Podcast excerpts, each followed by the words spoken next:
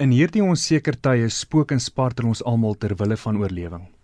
Ek sê gereeld vir RSC luisteraars dat ek met hierdie onseker tye soos 'n rooibok by 'n watergat voel. Permanent op my hoede vir dit wat moontlik volgende uit die bos kan spring. Nou indien jy vroeër vanmiddag na RSG se vervolgverhaal ter wille van oorlewing geluister het, sal jy dadelik die stem van die persoon by wie ek vandag kuier herken. Ek drink al te lekker koffie hier in die radioateljee van Terwille van Oorlewing saam met die veteraan aktrise Elma Potgieter. Hallo Henko. Goeiemôre Elma. En Elma speel tans die rol van die selfgesentreerde sussie Sharon.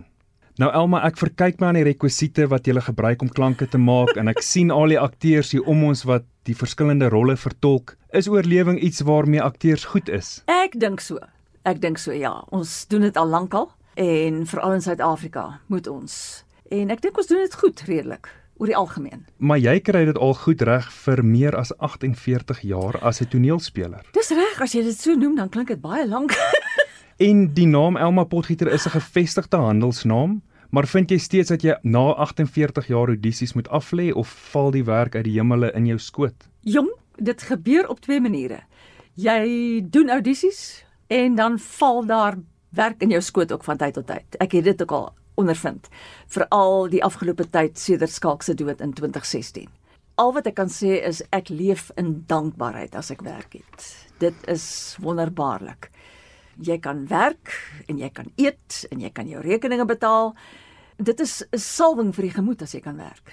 Jy kry werk en wat ek vind by die ander verhoogkunstenaars is dat hulle sê dit is 'n gevoel wat jy nie kan koop nie. Is as jy jou siel met 200 vreemde mense kan deel in 'n teater en hulle so sil sit dat jy 'n spel kan oorval en dan na die tyd klink dit soos 'n donderstorm wat losbreek. Dis reg. Dit is 'n uh, uh, een manier om dit te stel. 'n Ander manier om dit te stel is want jy lê nie jou eie siel bloot nie. Jy klim agter die masker in van 'n ander karakter wat jy vertolk en dit is dit is dit is wat die werk van 'n akteur so fascinerend maak. Is dat jy 'n ander karakter leer ken, sy siege jou eie maak en dan wat ook al hy wil oordra aan jou gehoor oordra. En daai donderstorm wat losbars na die tyd sê vir jou, ja, jy het kontak gemaak met hulle, jy het hulle ontroer, jy het hulle laat lag. Maar ongelukkig is daardie donderstorm ook 'n goeie voorbeeld om kunstenaars se persoonlike finansies te beskryf. Bedoelende 'n donderstorm wat losbreek agter toe deure by die huis wanneer hulle van die verhoog af is in terme van rekeninge wat elke maand betaal moet word. Dis reg. Het jy dit al so ervaar? Ons het dit al so ervaar ek en Skalk saam en uh ja, ons het ons het gesukkel om ons rekeninge te betaal voordat ons albei toevallig saam begin werk het by by Kruik. Hy het reeds 'n kontrak geteken vir 1973 by Kruik en ek het audisie afgelê vir Pieter Fourie, maar ek het nog nie gehoor of ek werk het nie. En daardie 3 maande voor die tyd het ons letterlik uh 3 keer moes geld leen om ons uh woonstel te betaal in in Joubert Park in Johannesburg. En ons het honger gelei. Ons het gesorg dat ons dogtertjie melk het, maar uh ons het uh honger gely. Ek het toe ook vir Peer van Pletsen raak geloop. Ons albei, ek en Skalk, ons het in Johannesburg se middestad rondgedwaal eintlik maar net om bietjie oefening te kry. En uh hy het toe later vir my toe ons nou saam begin werk het in 1973 by Kruik, ek en Peer van Pletsen as twee junior akteurs.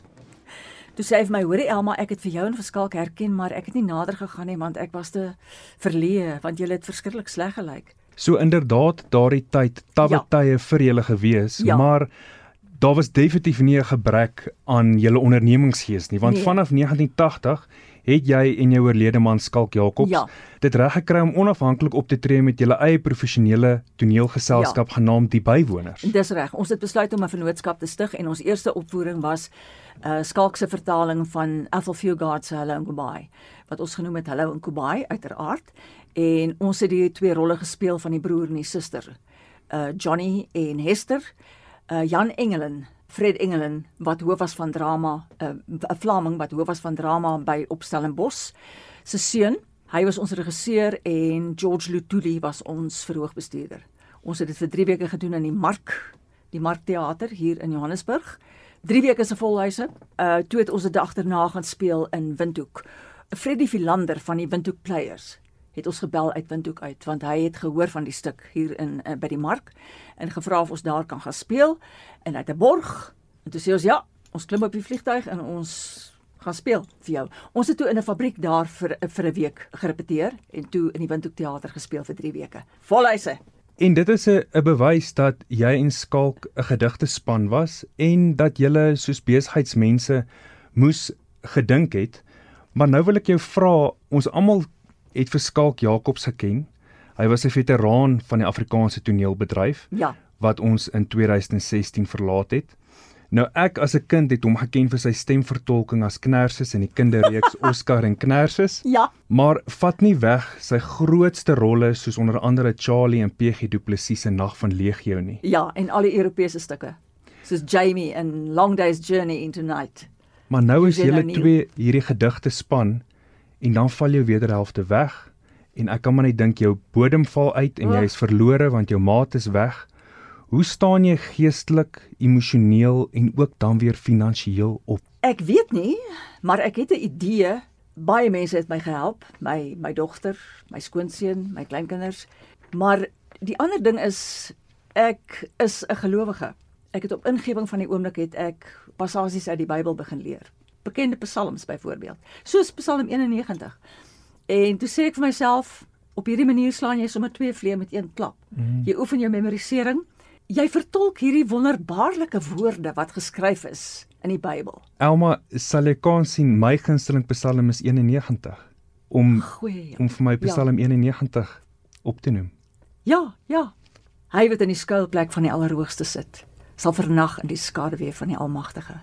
Ek sal tot Jahwe sê, my toevlug en my bergvesting, my God op wie ek vertrou, want hy is die een wat jou sal red uit die net van die voëlvanger, van die verderflike pes. Hy sal jou dek met sy vlerke en onder sy vleuels sal jy skuil. Dankie Elma. Elma het gesê van die goed wat sommer net gebeur. En nou daar was twee produksies waar jy op baie kort kennisgewing oorname ja. moes doen by aktrises. Ja, Jy moes oorneem in Mis deur Reza de Wet dis en jy moes oorneem as Daphne in Daar gaan die bruid. Ja. Nou wanneer so iets met jou gebeur, is of vir jou tyd om vooraf te vra, hoeveel gaan julle my betaal? Nee. nee, toe Frans Swart my vra om oor te neem by Marga van Rooi want sy het siek geword en daar gaan die bruid. Hy het my gebel. Ek was op pad terug van die van die agentskap af. Ek het stil gehou en gesien hy het my gebel. Ek het hom onmiddellik teruggebel. En toe sê hy vir my, "Sal jy vir my oorneem?" En ek sê, "Ja." Ek vra nie hoe lank is die stuk, hoeveel dialoog is daar, hoe groot is die rol en of jy my gaan betaal nie. Nee, ek het dit nie gevra nie. Net gesê ja. En dan by 'n een vrou stuk wat jy tans op die plank het mm -hmm. en wat vir radio verwerk is, genaamd Klipgebede, is oor 'n vrou wat die letsels van gesinsgeweld dra, Ja. maar wat tog met hoop na die lewe kyk. Jy kon nie hierdie stuk so gereeld opvoer soos wat jy graag sou wou nie as gevolg van inperkings. Dis reg. En um, ek is seker tussendeur moet jy jou dialoog warm hou, jy moet stem geheue lewendig hou en derentyd in jou Presies. tegniek slyp. Maar hoe hou jy die pot aan die kook en hoe kry jy dit reg om soos jou karakter in klipgebede steeds met hoop na die lewe te kyk? Ek dink ek is met 'n optimistiese gemoed gebore, heel waarskynlik. Uh wat 'n groot seëning is in 'n mens se lewe. En dan het ek die dierbaarste ouers gehad en 'n ouer suster wat dol was oor haar kleinsus, al het ek haar ontsaglik geïrriteer toe ek klein was natuurlik en sy opgeskote. Dit is seker een van die belangrikste dinge wat met jou kan gebeur as as jy 'n sorgsame gesin het. Ons is nie ryk nie. Inteendeel. Ek bedoel toe ek uiteindelik universiteit toe gaan, het my pa vir my gesê, "Uh meisiekind, ek het vir jou 'n uh, ek het 'n lening uitgeneem so jy kan universiteit toe gaan. Die drama departement sou eers die volgende jaar begin." En hy het vir my gesê, "Jy kan alles neem wat jy kan inpas." Ek het dit toe gedoen, ja. En Elma, jy praat van 'n gelukkige gesin Ja. en die ateljee waarin ons nou sit, waarin terwille van oorlewing opgeneem en opgevoer word, Ja. gaan juis oor 'n gesin wie se daaglikse rotine deur die inperking en ander uitdagings tot die uiterste beproef word. Ja. Hoe dink jy ondersteun kunstenaars mekaar? Hoe staan hulle mekaar by tydens hierdie moeilike tyd, veral nou met die 4de vlaag van die koronavirus? Wel, ons kontak mekaar. As daar iemand is wat in die moeilikheid is, dan uh moet hy gerus van sy van sy kollegas kontak. Moenie skaam wees nie. Want ons ons het groepe en ons kontak byvoorbeeld baie vir Liz Meyering want sy is betrokke by die teaterbystandsfonds. Nou die teaterbystandsfonds is in die lewe geroep lank terug. Ek weet nie presies wanneer nie, maar dit help kunstenaars wat byvoorbeeld heeltemal uh in die moeilikheid geraak het geldelik weens verskeie omstandighede weens siekte of wat ook al want ons het nie pensioene of of mediese fondse en die soort van ding nie maar net met klein dingetjies ook staan ons mekaar by. Ek sal nou nie name noem nie, maar ons het onlangs het ons die boodskap gekry dat ons 'n bietjie moet help sekere mense en ons het gaan kry nuusware aflewer ensovoorts ensovoorts. So wat ek vir kollegas gaan wil sê is moenie 'n trotse masker dra nie. Bel. Steek jou hand op. Dis reg. Wat jy ook daardeur vir my sê is dat daar is tog van jou kollegas in die bedryf wat maskers dra en voorgee dat dit goed gaan terwyl dit eintlik nie goed gaan nie. Ek is seker want ek bedoel mense mense is trots, jy weet. Maar dit is wat hierdie insetsel tydens spitstyd streef om reg te kry. Mm -hmm. Is om juis hierdie hierdie ondersteuning te bied aan 'n eh, kunstenaars, Afrikaanse sangers en akteurs. Ja.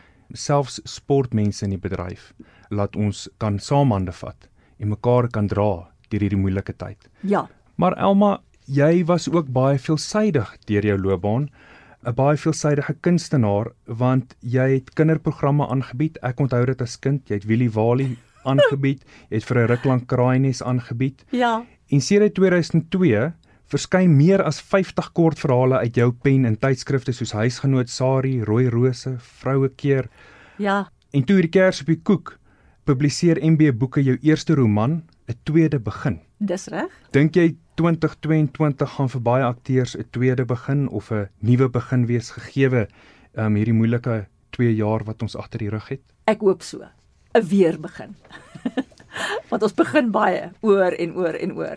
Elma, die tyd het ons ingehaal, maar wat ek kan sê is dat op die oomblik met radiodrama gebruik Elma Potgieter haar stem soos 'n musikant 'n instrument gebruik. En vir my is dit 'n ware vorm van kuns en hierdie was nog 'n aflewering van Kuns met Kontant. Dankie Elma en groete aan almal tot volgende week. Tata Enko, baie dankie.